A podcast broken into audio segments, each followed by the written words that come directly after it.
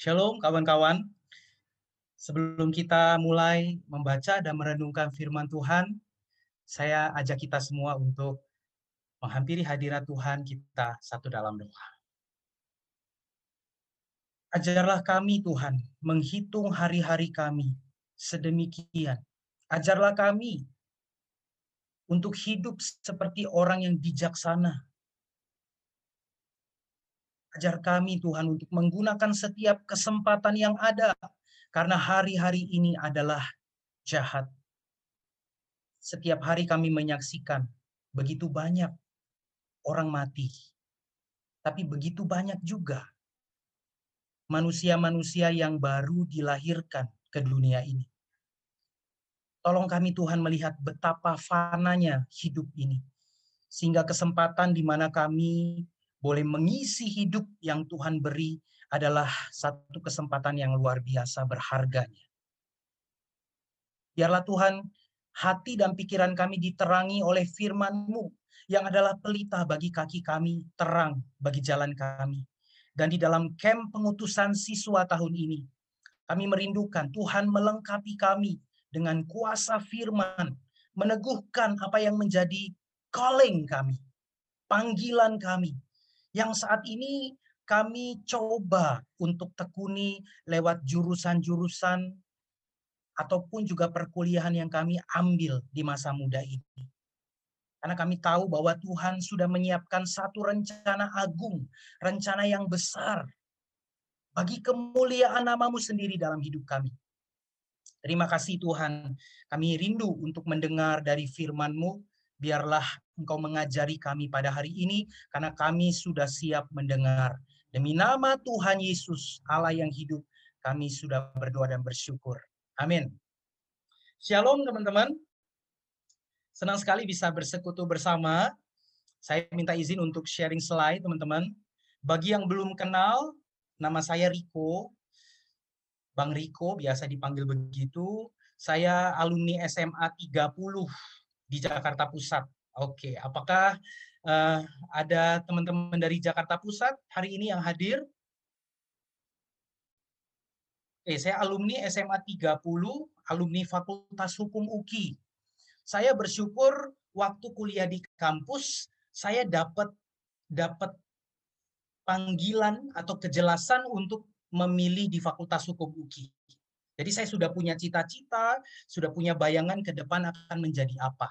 Tapi saya bersyukur juga di masa saya mahasiswa, saya bertemu, saya berjumpa dengan Tuhan, saya dibentuk dalam kelompok-kelompok pemuridan, terlibat dalam persekutuan mahasiswa, dan akhirnya saya tahu bahwa my calling adalah to serve the Lord and people, melayani Tuhan dan jemaat. Sempat saya uh, bekerja juga, uh, pernah magang di LBH, pernah uh, jadi legal staff juga di salah satu perusahaan IT. Tapi saya tahu bahwa Tuhan panggil saya menjadi hamba Tuhan. Panggilan Tuhan memang unik ya kawan-kawan. Kadang-kadang Tuhan memang mengizinkan kita masuk ke dalam satu jurusan tertentu untuk menyiapkan kita melakukan panggilan yang lain begitu. Kadang-kadang Tuhan ini jenaka ya, lucu ya, kocak ya. Uh, tapi saya bersyukur sekarang saya melayani di Perkantas Jakarta, sempat juga menyelesaikan studi teologi di STT Reform Indonesia, STTRI, dan saya sudah menikah. Ini foto saya dengan istri saya. Uh, saya orang Ambon, saya bergereja di GPIB. Oke, itu perkenalan singkat ya. Uh, senang sekali ketemu dengan teman-teman siswa yang sebentar lagi tidak siswa lagi, tapi akan jadi mahasiswa dari Jakarta, dari Depok, dari Kabar, dari Bengkulu, Palembang, Lampung, dan sebagainya kota-kota di sekitar regio kita di Jakarta. Terima kasih untuk kehadiran teman-teman dan selama dua hari kita akan sama-sama bersekutu di room ini. Dalam kesempatan ini dalam KPU, nah kita bersyukur ya, ada panitia yang sudah mendoakan, menggumulkan kehadiranmu. Dan Tuhan jawab doa mereka. Oke, kita langsung saja. Tema kita pada hari ini adalah the call. Ya, call bukan berarti telepon atau panggilan masuk begitu ya, tapi tentang panggilan hidup Nah, teman-teman ada satu kutipan yang menarik. There is no deeper meaning in life than to discover and live out your calling. Tidak ada hidup yang bermakna selain kita menemukan dan menghidupi calling kita. Kenapa begitu, teman-teman? Karena calling itu adalah our deeper longing kita merindukan segala sesuatu yang berkaitan dengan calling kita. Ya bicara tentang uh, passion, ambition atau mungkin juga cita-cita in our future begitu ya. Ya sesuatu yang gue banget. Begitu ya, ada di antara kamu yang mungkin callingnya jadi chef, callingnya jadi youtuber atau jadi uh, calling uh, callingnya menjadi artis atau apa pun begitu. Itu sesuatu yang memang kamu inginkan. Ada siswa yang pengen jadi gamer begitu ya. Ya, eh, pokoknya all other standards of success, wealth, ya, kekayaan, kuasa, position, pengetahuan atau bahkan pertemanan itu hanya akan menjadi sesuatu yang sempit atau sesuatu yang e, berlubang-lubang kalau kita tidak puas dengan kerinduan kita ini.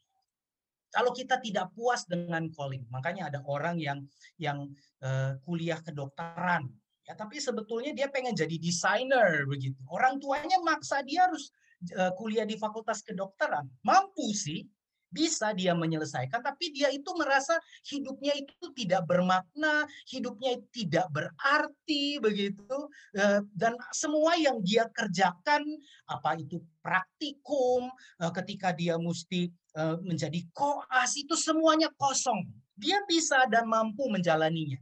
Saya pikir Tuhan ini hebat ya. Dia itu tidak tidak menciptakan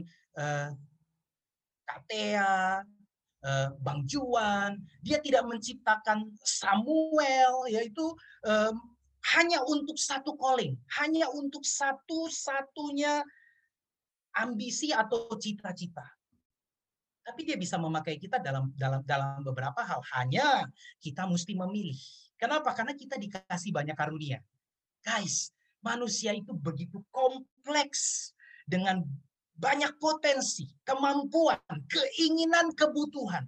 Jadi kita memang harus kita kita harus tahu apa yang menjadi calling kita, teman-teman. Dan kita perlu tahu bahwa calling is deeper than job. Nanti ya ada kapita-kapita selekta ya eh, kelas-kelas yang kamu pilih berkaitan dengan profesi yang akan kamu tekuni di depan. But your calling is deeper than your job, your career, and all your benchmark of success.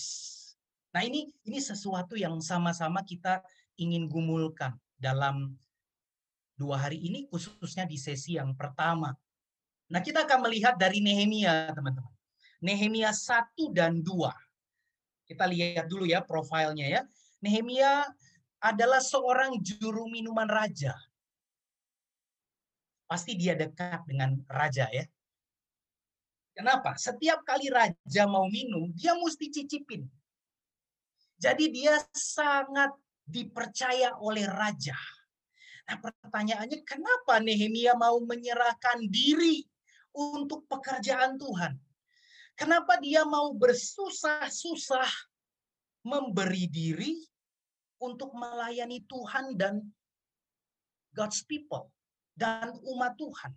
Yuk kita membaca yang pertama jadi teknisnya ya hari ini kita eh, tidak tidak langsung membaca keseluruhan, tapi kita akan membaca bagian per bagian. Oke, saya minta teman-teman siapkan Alkitabmu, Alkitab buku.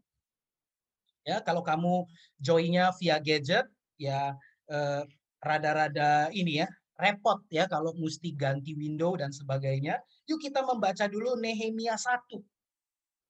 Dan kita membaca dulu ayat 1 sampai 4. Saya bantu baca itu kalian ya dengan cepat.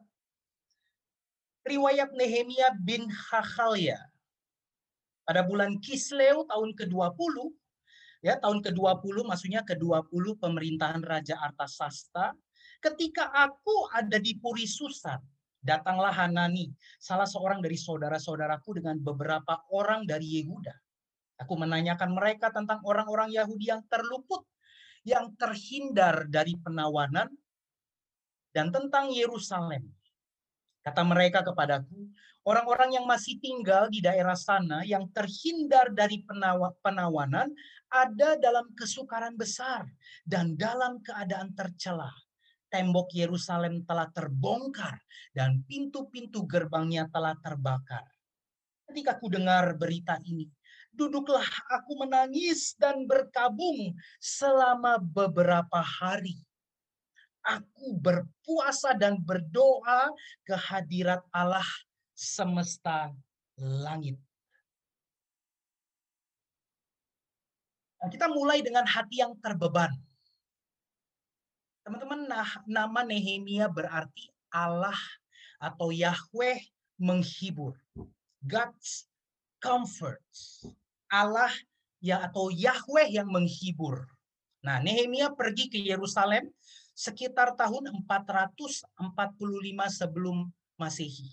Jadi 13 tahun sesudah Ezra. Nah, sesuatu yang kita sering kali lupa ya.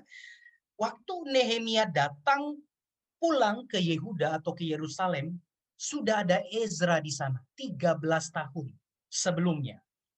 Dan Nehemia adalah seorang leader, seorang pemimpin yang menaruh perhatian kepada umat Allah walaupun dia jauh di Yerusalem. Kita lihat ya, sekalipun dia sudah jadi pejabat tinggi, ya kalau kalau di Indonesia sekarang mungkin dia juru bicara atau mungkin bukan juru bicara ya, tapi penasehat kepresidenan. Orang yang sangat dekat dengan raja. Sampai untuk makan atau minumnya raja, raja bergantung kepada dia. Tapi ketika dia mendengar tembok Yerusalem sudah terbongkar, dia sangat hancur. Dia memikirkan saudara-saudaranya yang sedih dan merana dan dia bersyafaat bagi umat Tuhan. Nah, sekilas info teman-teman, sudah 100 tahun sejak tembok itu terbongkar. Jadi bukan baru-baru ini.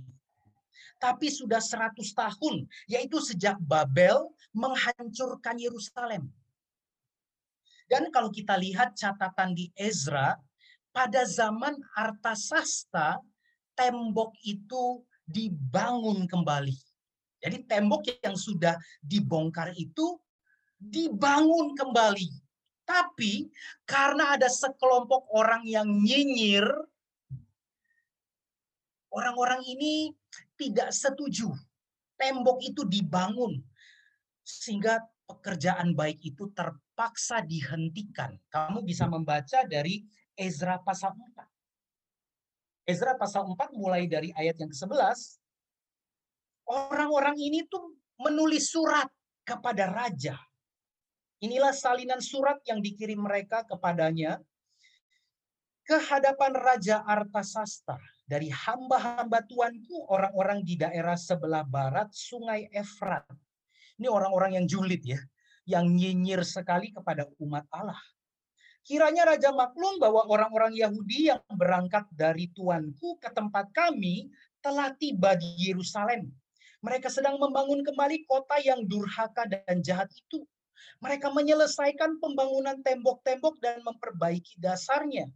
Kiranya Raja maklum bahwa jikalau kota itu sudah dibangun dan tembok-temboknya sudah selesai, orang tidak lagi membayar pajak, upeti atau bea pajak ya, sehingga kota itu akhir akhirnya mendatangkan kerugian kepada raja-raja. Dan karena raja melarang pembangunan tembok itu, maka tembok berhenti, pembangunan tembok terhenti. Dan ini yang bikin Nehemia hancur. Ini yang membuat dia begitu bersedih, berkabung, berpuasa. Makanya dia berdoa dengan visi yang jelas. Sorry. Nehemia berdoa dengan visi yang jelas. Dia awali dengan pengakuan dosa. Ya, ayat 5 sampai 11 itu bicara tentang doa Nehemia dengan visi yang jelas. Nah, saya saya ingin pada saat kamu mendengar bagian ini, kamu mencoba mengaitkan dengan dirimu. Memang kamu dan saya bukan Nehemia, dan kita tidak bisa menjadi Nehemia, tetapi kita bisa menjadi agen-agen pembaharu bangsa kita. Nah, kalau kamu punya beban dengan Indonesia, doakan. Dan kamu mesti belajar dari Nehemia, berdoa dengan visi yang jelas. Dan kita melihat Nehemia mengawali doanya dengan pengakuan dosa. Ayat 5 sampai 7. Kataku, ya Tuhan, Allah semesta langit, Allah yang maha besar dan dahsyat, yang berpegang pada perjanjian dan kasih setianya terhadap orang yang kasih kepadanya dan tetap mengikuti perintah-perintahnya. Berilah telinga kepada kepada hambamu ini dan bukalah matamu dan dengarlah doa hambamu yang sekarang kupanjatkan kehadiratmu siang dan malam bagi orang Israel, hamba-hambamu itu dengan mengaku segala dosa yang kami orang Israel telah lakukan terhadapmu juga aku dan kaum keluargaku telah berbuat dosa. Kami telah sangat bersalah terhadapmu dan tidak mengikuti perintah-perintah, ketetapan-ketetapan, dan peraturan-peraturan yang telah kau perintahkan kepada Musa, hambamu itu. Nehemia mulai dengan mengaku dosa. Kita melihat bahwa Nehemia adalah man of prayer. Ada sembilan doa Nehemia yang dicatat di dalam keseluruhan kitab Nehemia. Tokoh-tokoh Alkitab sering menyamakan diri mereka dengan umat Tuhan yang berdosa. Dan ini menegur saya.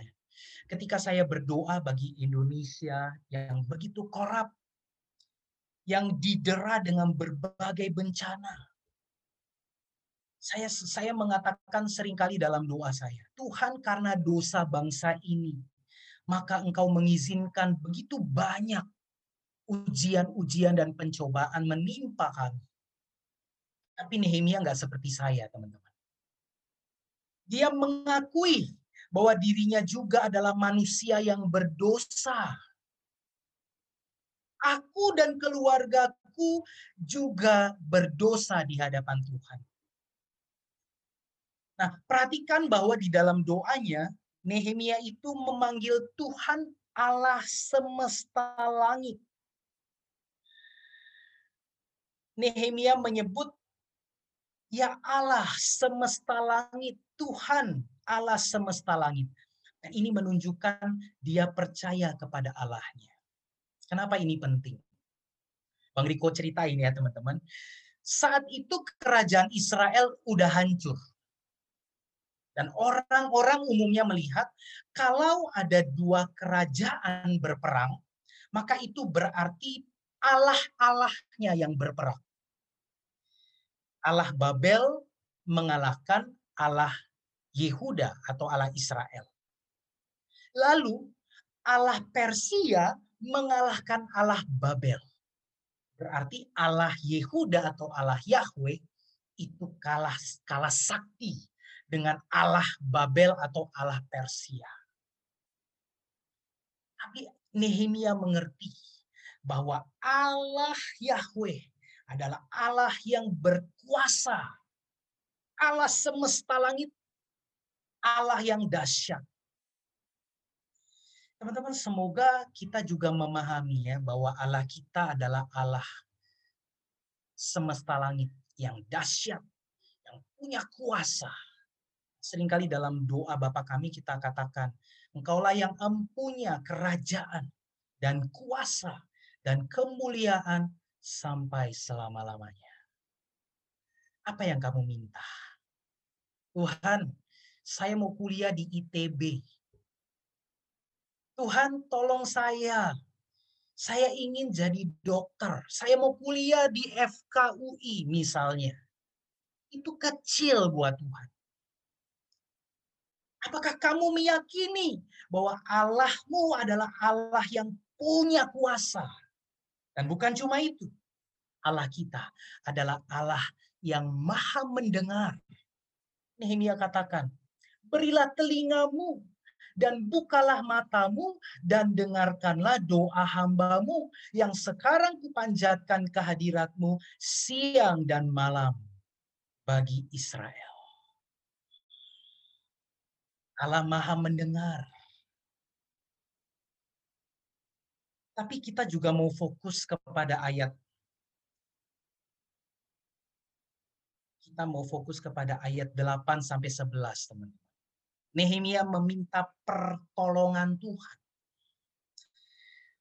Nehemia sadar tidak ada alasan bagi Allah untuk menolong kecuali karena kasih dan perjanjiannya.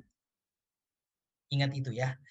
Allah tidak punya alasan untuk menolong Israel kecuali karena janji dan juga karena kasihnya kepada umatnya. Makanya doanya adalah doa yang sangat indah. Ingatlah akan firman yang kau pesan kepada Musa hambamu itu. Yakni, bila kamu berubah setia, kamu kucerai beraikan.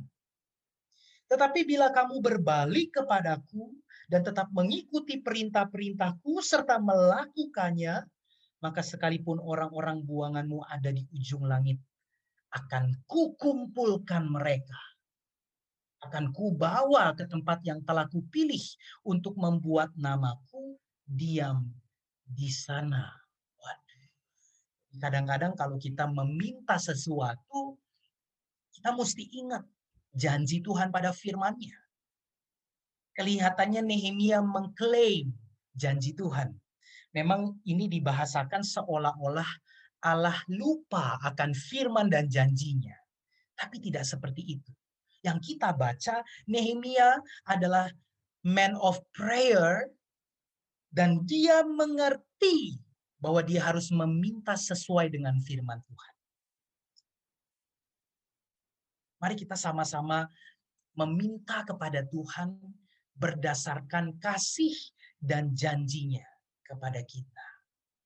Nah, teman-teman, umatnya itu memang pantas dihukum.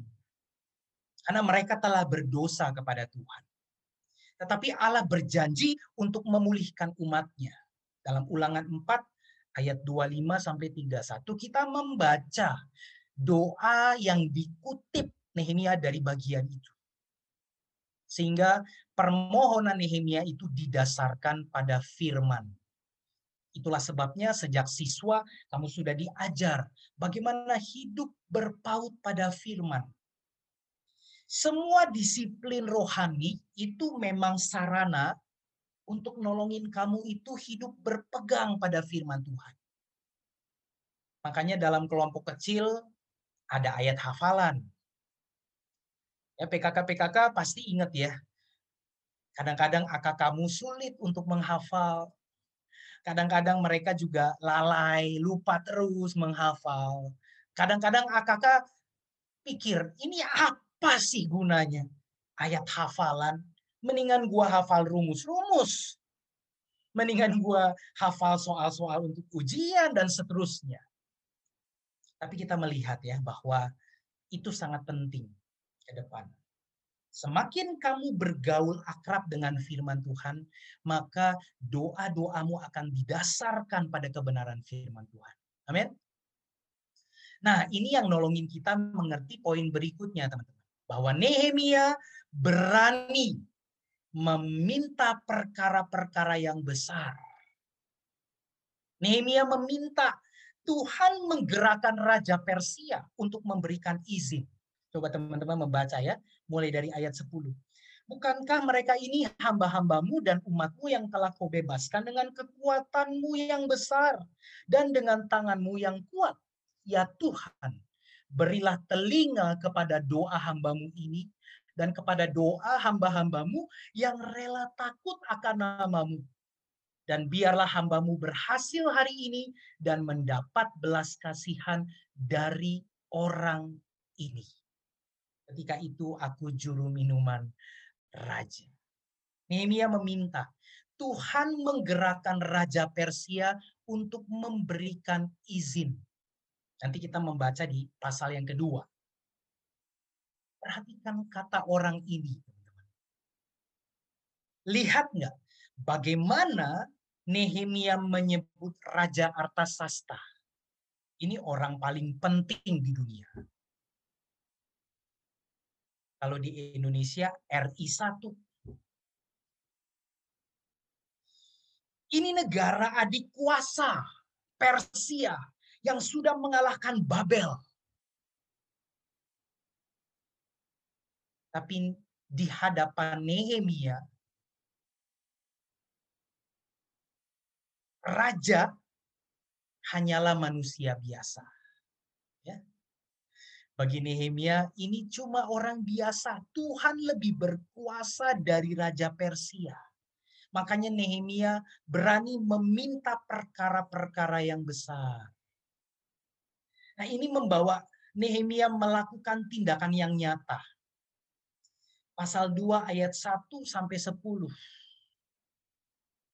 Teman-teman Nehemia melihat bahwa ini adalah waktunya untuk bertindak kira-kira empat bulan Nehemia berdoa. Sekarang sudah tiba saatnya untuk bertindak. Makanya di ayat 11 tadi dia berdoa supaya hambamu berhasil hari ini. Ini sesuatu yang luar biasa teman-teman. Kamu dan saya nggak bisa hanya berdoa, berdoa, berdoa tanpa bertindak. Tuhan saya ingin lulus. Tuhan saya ingin masuk UI. Tuhan saya ingin masuk perguruan tinggi yang saya inginkan. Bukan berarti perguruan tinggi swasta tidak tidak uh, tidak bonafit atau tidak tidak baik ya untuk kamu. Ada begitu banyak perguruan tinggi swasta yang sekarang sudah berkualitas luar biasa. Cuma kadang-kadang kita mikirnya biayanya, Bro. Biayanya gede, Beda sama perguruan tinggi negeri begitu. Tapi kita nggak bisa hanya berdoa dan berdoa. Doa sangat penting. Tapi doa harus dilanjutkan dengan tindakan. Kita bisa mengerti rencana Tuhan. Kita bisa mengerti segala persiapan yang Tuhan sudah lakukan bagi kita dengan bergumul dalam doa. Contohnya Nehemia, teman-teman. Allah sudah nyiapin dia untuk perkara-perkara besar. Tuhan kasih jabatan juru minuman raja. Yang menolong dia bisa langsung bicara sama raja untuk membangun Yerusalem. Nah, ini satu hal yang penting teman-teman. Sambil kamu terus merefleksikan ini, teman-teman hayati bahwa Allah kita adalah Allah yang sering kali sudah mempersiapkan sejak jauh-jauh hari. Semua yang dibutuhkan. Apa yang nantinya berguna. Tuhan sudah siapkan itu. Kita lihat contohnya ya. Musa sudah dibesarkan di Mesir. Diadopsi putri Firaun. Kenapa? Karena Tuhan ingin Musa memimpin Israel yang besar itu segala hikmat orang Mesir, penulis Ibrani mengatakan, itu diajarkan kepada Musa. Untuk apa? Karena Tuhan mau Musa menulis kejadian keluaran imamat bilangan ulangan. Hebat nggak Tuhan kita?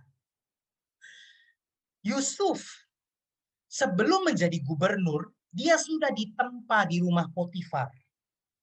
Segala kemampuan leadership, manajerial, intelektual, logika, hal-hal praktis itu sudah ditempa. Baik di rumah Potifar maupun di penjara. Sehingga ketika ada krisis kelaparan, Yusuf bisa menyelamatkan semua bangsa, termasuk keluarganya. Makanya Yusuf bilang, kamu merancang hal yang buruk. Tetapi Tuhan merancang yang baik untuk menyelamatkan kamu semua. Saya pikir kalau tidak ada Yusuf, Israel pasti tidak akan bisa bertahan dan tidak akan tinggal di Mesir. Dan tidak ada cerita orang Israel bebas dari Mesir menyeberangi Laut Merah untuk masuk ke tanah Kanaan. Tuhan sudah menyiapkan hamba-hambanya. Esther. Esther sudah dijadikan ratu sebelum ancaman genosida kepada Israel gara-gara Mordekai tidak mau sujud menyembah kepada Haman. Ingat ya kisah itu ya. Jadi kalau Bang Riko sih menghayati begini. Tuhan sudah siapkan saya, ya walaupun panggilan kita berbeda ya. Gak semua kamu harus ngikutin Bang Riko, Kak Herlina, atau Kak Oce, Ko Ernest sebagai hamba Tuhan. Karena Tuhan sudah punya panggilan masing-masing kepada kamu. Tapi kalau mau dipikir-pikir, Tuhan sudah siapkan saya sejak sekolah minggu, sejak remaja, lalu saya kenal PSKJ di usia SMP. SMA saya ngilang. Karena saya tinggal di daerah Keramat, ya. PSKJ pusat tuh saya sudah ikut sejak SMP. Karena di gereja saya ada komsel. SMA saya ngilang. Tapi saya ketemu Kak Alex. Kak Alex jadi TPS saat itu. Lalu singkat cerita saya masuk UKI. Ketemu lagi sama Kak Alex sudah jadi pengkhotbah. Hidup saya berubah. Hidup saya mulai diarahkan kepada Tuhan. Saya ngambil fakultas hukum UKI, tapi akhirnya saya menyerahkan semua cita-cita saya kepada Tuhan. Saya mengambil komitmen menjadi staf siswa bagi Perkantas Jakarta. Dan Tuhan sudah menyiapkan saya. Tuhan juga sudah siapkan kamu. Masuk di SMA ini dan itu. Ada yang dari SMA 90, ada yang dari SMA 6, SMA 82, 81, SMA 50, 12, SMA 31. Tuhan sudah siapkan kamu untuk memasuki tahap berikutnya. Dan ini adalah salah satu tahapan yang Tuhan ingin kamu kerjakan untuk satu goal akhir. Yaitu satu calling yang akan kamu genapi melalui profesimu ke depan. Tindakan Nehemia menunjukkan bahwa dia sudah mendoakan dan menggumulkan apa yang harus dia lakukan. Nah, sekarang kita lihat apa yang dia lakukan ya. Tindakan dalam kedaulatan Allah Nehemia berdoa kira-kira empat bulan. Ya, kalau kita lihat di pasal 2 ayat 1, pada bulan Nisan tahun ke-20 pemerintahan Raja Artasasta, ketika menjadi tugasku untuk menyediakan anggur, aku mengangkat anggur dan menyampaikannya kepada raja. Karena aku kelihatan sedih yang memang belum pernah terjadi di hadapan raja, bertanyalah raja kepadaku dan seterusnya. Di pasal 1 bulan Kislev. Di pasal 2 bulan Nisan. Kita tahu Nehemia akan meminta perkara yang besar. Utuslah aku ke Yerusalem, ke Yehuda untuk membangun tembok. Nah, teman-teman lihat di poin yang kedua, itu masalah sensitif, teman-teman. Raja sudah menghentikan pembangunan tembok Yerusalem. Sekarang Nehemia meminta izin untuk membangunnya kembali. Coba ini pem, ini permintaan macam apa? Makanya kita mengerti ya, Nehemia perlu berdoa kira-kira empat bulan. Teman-teman memang nggak ada yang instan ya.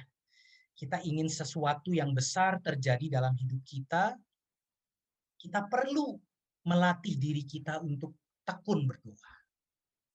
Ini ini menjadi teladan bagi kita, teman-teman. Ketika kita meminta segala sesuatu, kita perlu meminta dengan satu pergumulan atau satu proses pergumulan yang cukup panjang.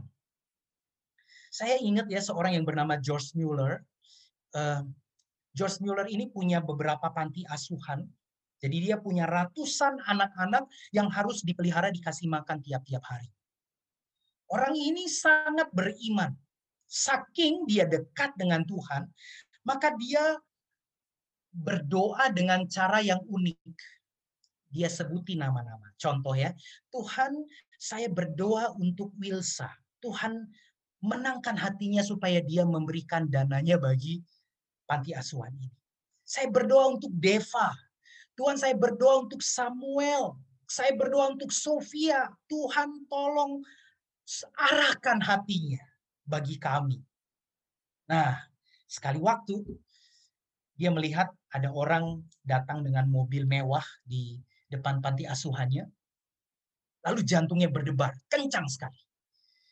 Orang itu mengetok. George, lihat, I have some money for you. Nggak banyak memang. Tapi uang ini cukup untuk memberi makan semua anak-anakmu. Satu bulan. Sisanya kamu bisa investasikan di bank. Sehingga kamu setiap bulan kamu bisa mendapat uang yang cukup untuk memberi makan anak-anakmu. Tapi jantungnya makin kencang berdebar. Deg, deg, deg, deg, deg, begitu ya. Kalau kita mendengar kisah itu, kita merasa apa? Yes, Tuhan jawab doa. Yes, gua lulus begitu ya. Tapi George Mueller bilang begini, boleh nggak kita tunda dulu? What? What's wrong?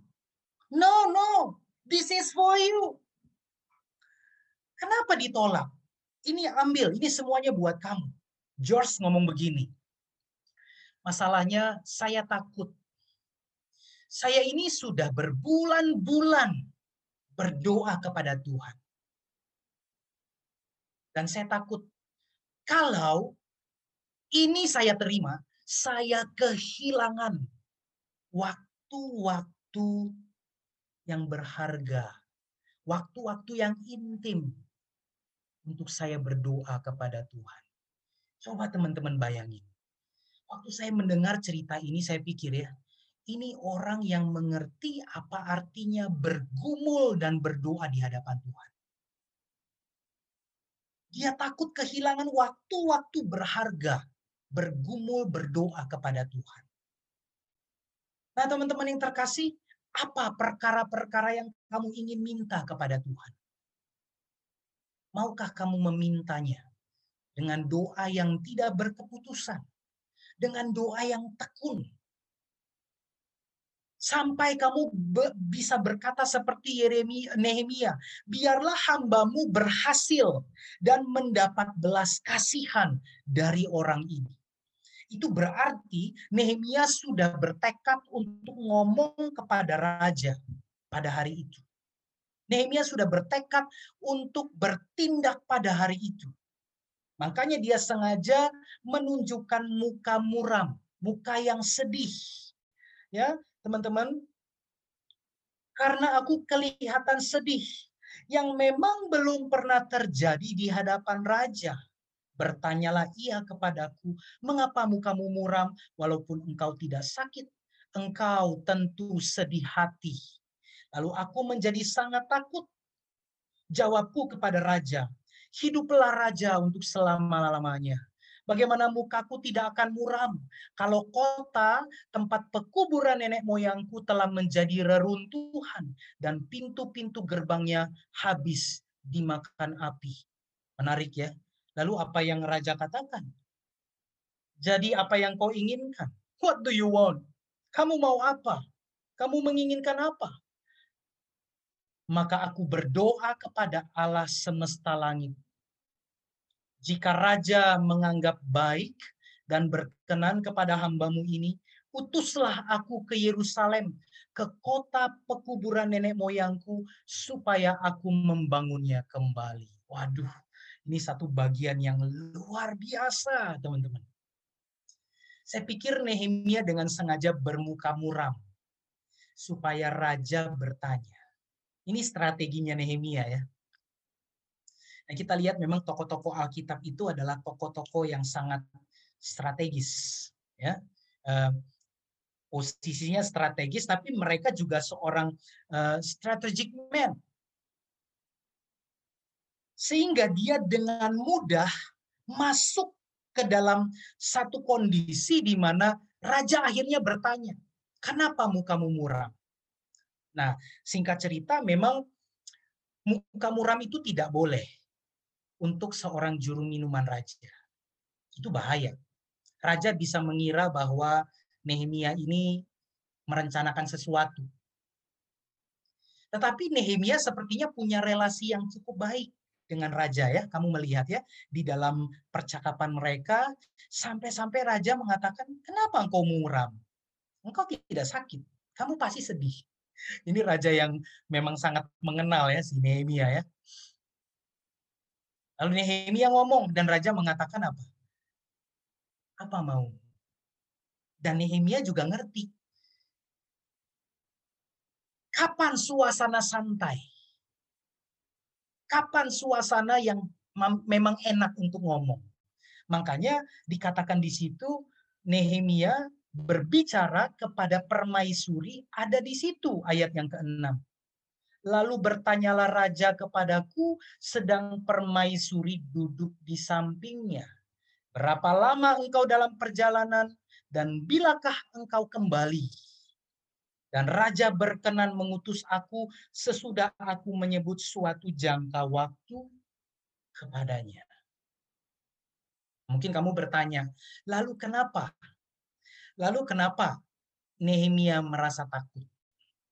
Teman-teman, saya pikir rasa takut Nehemia itu bukan karena dia shock atau dia kaget atau dia takut dibunuh oleh raja. Tapi ada seorang penafsir mengatakan rasa takut itu timbul ketika Nehemia sadar this is the day. This is the time ini adalah waktunya. Bayangin, berbulan-bulan lamanya berdoa, sekarang adalah harinya. Hari H begitu. Ya, saya saya tahu ya panitia berbulan-bulan mendoakan, menyiapkan mereka rapat, berdiskusi, mungkin pakai berdebat, mengalami pasang surut naik naik turun dalam dinamika pelayanan, tapi ketika masuk hari tanggal 8 Mei, mereka pasti punya ketakutan yang sama. Nah, ketakutan itu bukan kekhawatiran yang, uh, aduh, gimana kalau Tuhan tidak hadir? Kalau Tuhan tidak bekerja, bukan itu. Tapi punya concern, punya punya rasa rasa takut. Bagaimana nanti? Mereka punya punya rasa takut juga bagaimana siswa-siswa bisa hadir. Dan sekarang mereka bisa menyaksikan ya kurang lebih ada 115 orang yang hadir dalam room ini.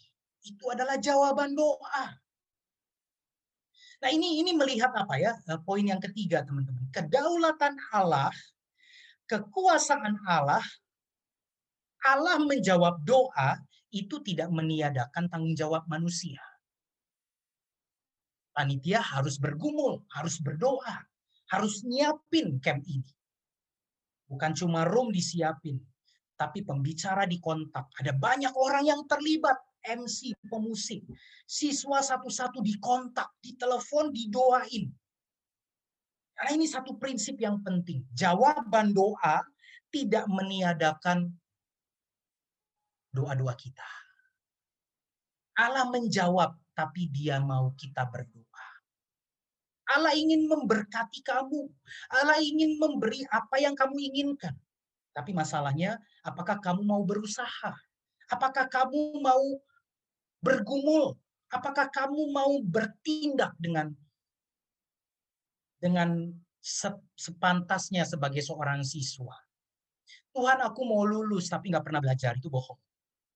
Tuhan aku ingin masuk UI tapi nggak pernah melatih diri untuk nanti kalau ujian masuk bagaimana? Jadi teladan Nehemia menunjukkan teman-teman ya bahwa tanggung jawab seorang hamba Tuhan itu amat sangat penting untuk menggenapi doa-doa yang dia naikkan. Yang terakhir teman-teman, tindakan yang berani. Kita melihat teman-teman uh, uh, Nehemia bertindak cukup strategik kita tidak tahu kapan Nehemia berjanji kembali. Tetapi setelah raja mengabulkan permintaannya, menarik ya kita melihat di dalam ayat yang ketujuh. Berkatalah aku kepada raja, jika raja menganggap baik, berikanlah aku surat-surat bagi bupati-bupati di daerah seberang sungai Efrat, supaya mereka memperbolehkan aku lalu atau lewat sampai aku tiba di Yehuda. Bukan cuma itu, pula sepucuk surat bagi Asaf, pengawas kayu, untuk memasang balok-balok pada pintu-pintu gerbang di benteng bait suci, untuk tembok kota, dan untuk rumah yang akan kudiami. Bayangin teman-teman. Seluruh keperluanku biarlah itu menjadi biaya negara. Waduh, ini, ini sesuatu yang luar biasa cerdiknya yang kita perlu pelajari. Dan raja mengabulkan permintaanku itu karena tangan Allahku yang murah melindungi aku. Jadi teman-teman kira-kira ya Nehemia itu plus perjalanan lalu dia kembali Nehemia kasih waktu kira-kira nih ya enam bulan sampai satu tahun. Nanti tembok Yerusalem berhasil dibangun dalam kurun waktu cuma 52 hari. Kamu yang mau ngambil jurusan sipil, arsitek, atau teknik, kamu perlu belajar dari Nehemia ya. Bagaimana membangun dengan perencanaan yang matang sehingga dalam waktu kurang dari dua bulan. Ya, kurang dari dua bulan tembok-tembok Yerusalem sudah kokoh berdiri. Nah, nanti memang kelihatannya Nehemia kembali ke Persia, lalu minta izin kembali ke Yehuda. Nanti di pasal-pasal berikutnya kita membaca raja akhirnya mengizinkan Nehemia untuk menjadi bupati di sana, di Yehuda, di Yerusalem. Kurang lebih 10 tahun, lalu dia kembali lagi ke Persia. Makanya di Eh, beberapa bagian khususnya khususnya di pasal 13 ayat 6 dikatakan 12 tahun kemudian. Ya. Nah, teman-teman kita melihat bahwa tindakan Nehemia sangat cerdik. Ayat 9 sampai 20 mengatakan itu. Saya minta izin panitia minta beberapa menit lagi teman-teman ya. Eh, Nehemia menunjukkan tindakan yang cerdik dari hamba Tuhan. Ayat 9 sampai 10 ya, teman-teman. Menjalankan visi bukan berarti tidak ada tantangan. Kalau kamu punya calling dan kamu merasa bahwa itu adalah visi yang Tuhan berikan kepadamu, bukan berarti tidak ada tantangan. Coba lihat contoh Nehemia. Maka datanglah aku kepada bupati-bupati di daerah seberang sungai Efrat dan menyerahkan kepada mereka surat-surat raja. Dan raja menyuruh panglima-panglima perang dan orang-orang berkuda menyertai aku. Ketika Sanbalat, orang Horon, dan Tobia, orang Amun, pelayan itu mendengar, mereka sangat kesal karena ada orang-orang yang datang mengusahakan kesejahteraan orang Israel. Ini bukan musuh pribadi Nehemia, tapi ini adalah musuh umat Allah. Selalu ada tantangan, tetapi kita bersyukur ya, Nehemia itu sudah bertindak cerdik. Dia sudah minta surat jalan. Jadi kalau ada bupati-bupati yang menghalangi, maka eh, itu menjadi satu hal yang melegalkan. Itu satu satu hal yang memudahkan Nehemia untuk melewati daerah-daerah yang dikuasai oleh bupati-bupati itu. Walaupun kita melihatnya Nehemia ini kebangetan ya. Udah dikasih hati minta jantung. Dikasih izin minta surat. Dikasih surat minta lagi surat untuk bangun ini bangun itu dengan biaya negara. Luar biasa. Nah, ini ini yang saya maksud berani meminta perkara besar. Teman-teman yang sering kali kurang dari orang-orang Kristen adalah orang-orang Kristen sering kali merasa puas dengan apa yang ada. Saya pikir jangan begitu. Lihat teladan Nehemia. Berani meminta perkara besar. Tuhan saya ingin jadi dokter. Jangan cuma jadi dokter. Tuhan saya ingin jadi spesialis gitu. Bahkan bukan cuma itu, Tuhan saya ingin jadi profesor. Tuhan saya ingin jadi guru. Oke, okay, di pedalaman. Tapi Coba, Tuhan saya ingin menjadi kepala sekolah. Atau berani enggak? Tuhan saya ingin jadi menteri pendidikan. Walaupun teman-teman kamu mengatakan nggak mungkin. Karena kamu orang Kristen. Who knows? Kita tidak tahu, teman-teman. Berani nggak meminta perkara besar? Dan saya percaya karena empat bulan Nehemia berdoa, maka sekarang dia punya visi yang jelas. Makanya dia berani meminta perkara-perkara yang besar. Kalau kita tidak berani meminta perkara besar, padahal kita sudah mendapatkan visi dan kita sudah punya calling yang jelas, tapi kita tidak berani meminta perkara besar, itu berarti kita tidak taat. Itu berarti yang kamu pikirkan mungkin hanya ambisi pribadi kamu sendiri. Dan itu berarti nggak benar. Tapi kalau Tuhan sudah memberikan perkara besar, maka kita harus memintanya. Kita mesti mendoakan, menggumulkan dengan sungguh-sungguh, dan kita mesti melangkah. Ya, yang yang Nehemia minta bukan cuma sekadar membangun tembok, teman-teman. Tapi Nehemia meminta supaya dia memimpin satu pekerjaan membangun umat Allah.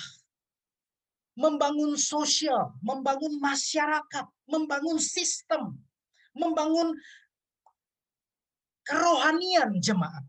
Ini satu perkara yang besar. Makanya kalau kamu mengatakan Tuhan saya ingin jadi dokter.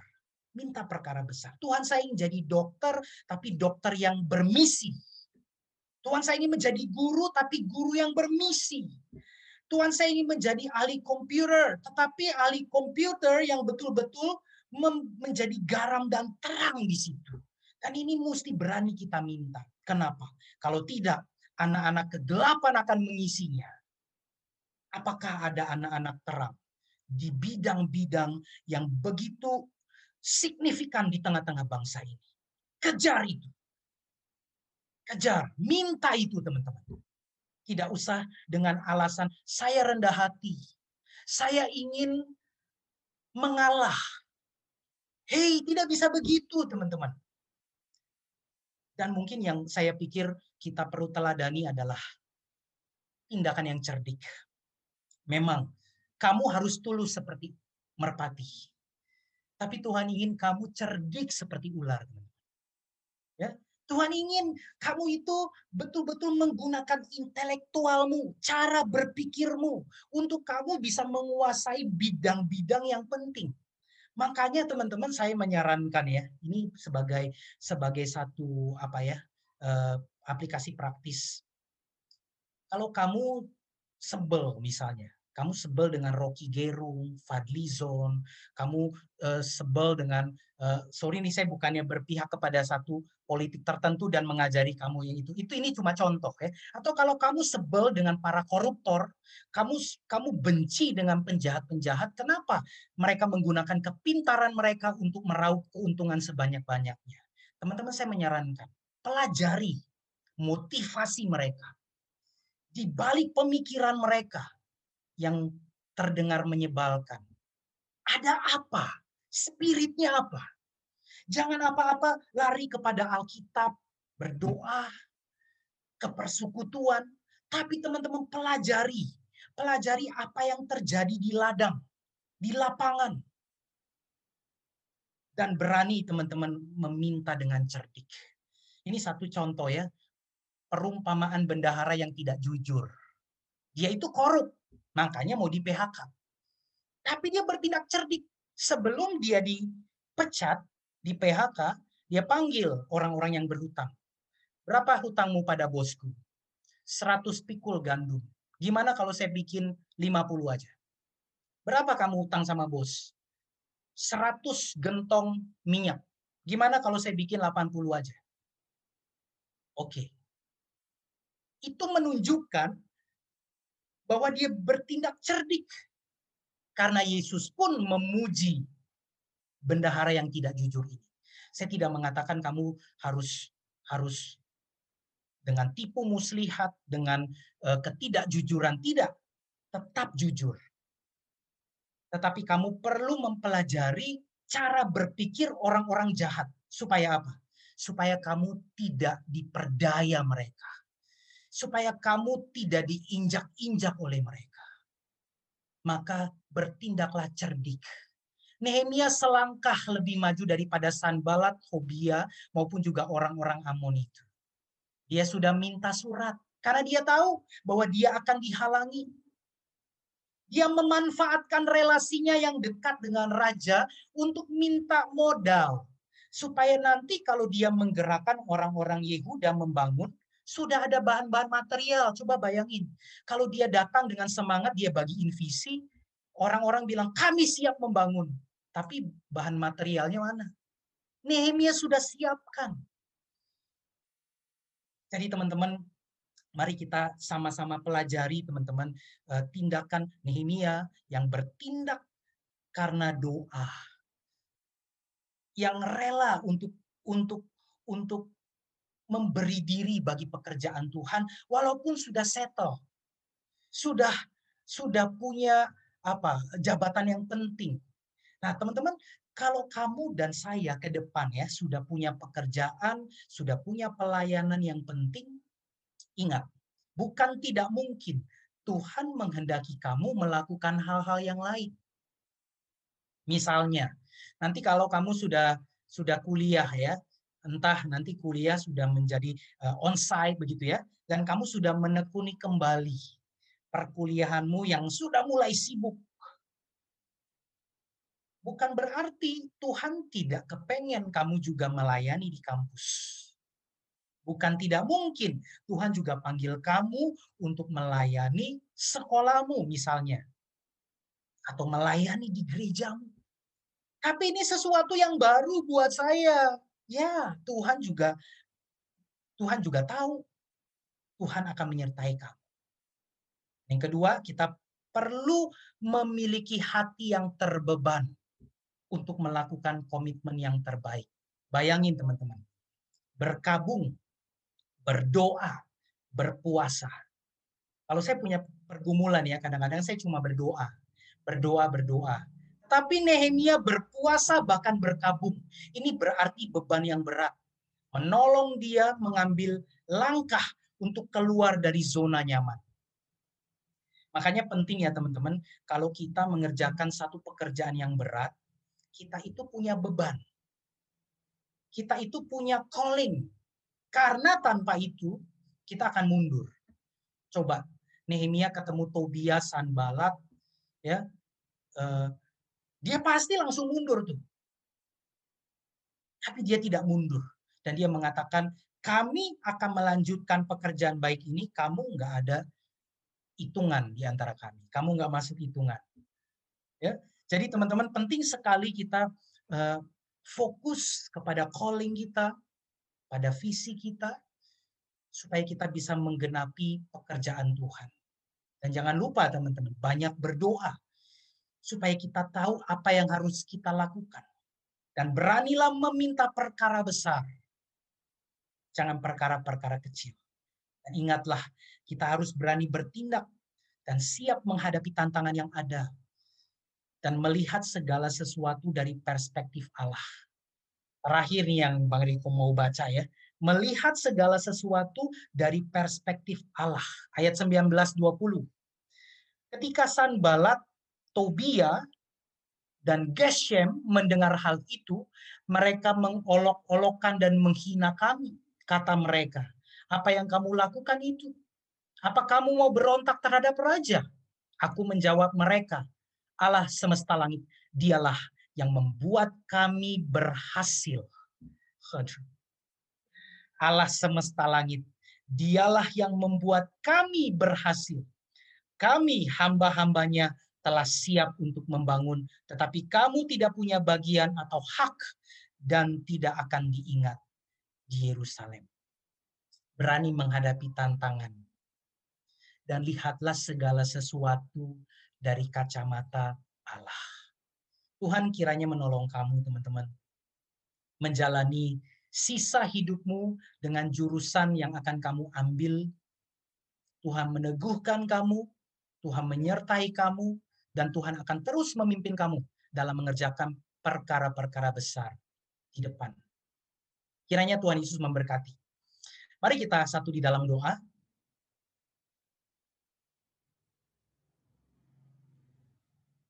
Mari kita bersyukur untuk teladan Nehemia yang menolong kita merefleksikan kepada diri kita betapa pentingnya menggumuli perkara-perkara besar di hadapan Allah. Dan yang lebih penting lagi adalah bagaimana menindaklanjuti perkara-perkara besar itu dengan berani keluar dari zona nyaman kita.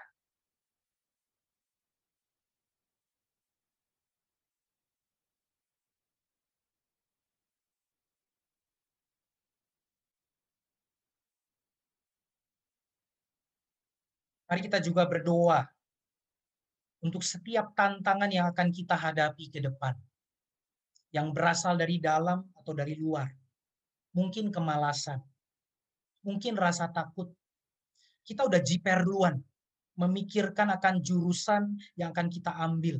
Atau pekerjaan yang akan kita tekuni ke depan. Dan juga mungkin ada tantangan dari luar. Keterbatasan ekonomi, mungkin juga ketidakcocokan dengan keinginan orang tua. Atau mungkin juga kegagalan yang akan kita hadapi ke depan. Marilah kita melangkah dengan iman dan melihat segala sesuatu dari kacamata Tuhan.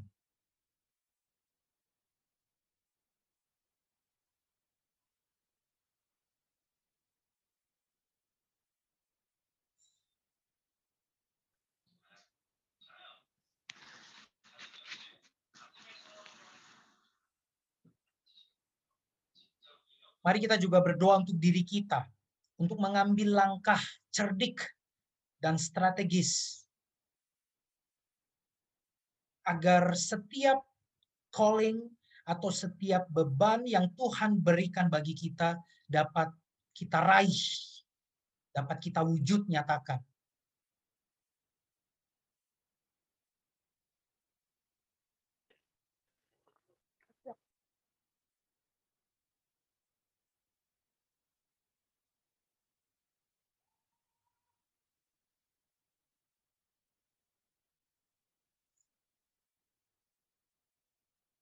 Saya meminta dengan kasih KOC untuk merespons pemberitaan firman Tuhan dengan doa. Mari kita bersatu di dalam doa. Ya Tuhan, sekali lagi kami bersyukur untuk kebenaran firman yang boleh Tuhan nyatakan melalui Bang Riko, melalui pembahasan dari kita, uh, pembukaan kitab Nehemia ini ya Tuhan. Tuhan kami berdoa bagi setiap adik-adik, teman-teman siswa yang saat ini sedang bergumul, uh, telah menyelesaikan masa-masa kelas 12 mereka dan akan memasuki ke jenjang uh, pendidikan berikutnya. Kami berdoa Tuhan supaya kisah hidup Nehemia, kejadian nyata uh, yang terjadi dalam hidup Nehemia boleh menginspirasi mereka bahwa ketika mereka hidup, ketika mereka lulus, ketika mereka masuk ke sebuah jurusan atau dipercayakan pekerjaan oleh Tuhan, sesungguhnya itu bukan suatu kebetulan, tetapi itu adalah panggilan bagi mereka. Berkati supaya setiap mereka boleh peka terhadap berbagai kondisi yang ada di tengah-tengah bangsa mereka. Dan tolong setiap teman-teman siswa untuk peka akan setiap kondisi yang mungkin juga menjadi pergumulan dialami oleh remaja-remaja, pemuda-pemuda. Jangan biarkan kami semua egois menutup mata kami pura-pura tidak tahu adanya kebobrokan di tengah-tengah generasi kami ya Tuhan. Tetapi tolong kami untuk mau menerima beban dosa-dosa yang memang dilakukan oleh bangsa kami ya Tuhan. Anak-anak muda yang seharusnya menjadi harapan bangsa, tetapi sering kali justru hidup semaunya sendiri. Tuhan kami berdoa supaya melalui KPU ini Tuhan makin teguhkan panggilan kami.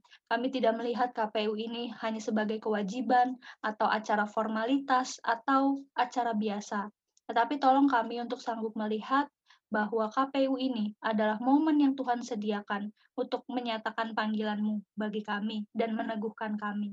Terima kasih ya Tuhan sekali lagi di dalam nama Tuhan Yesus Kristus kami berdoa dan bersyukur. Amin.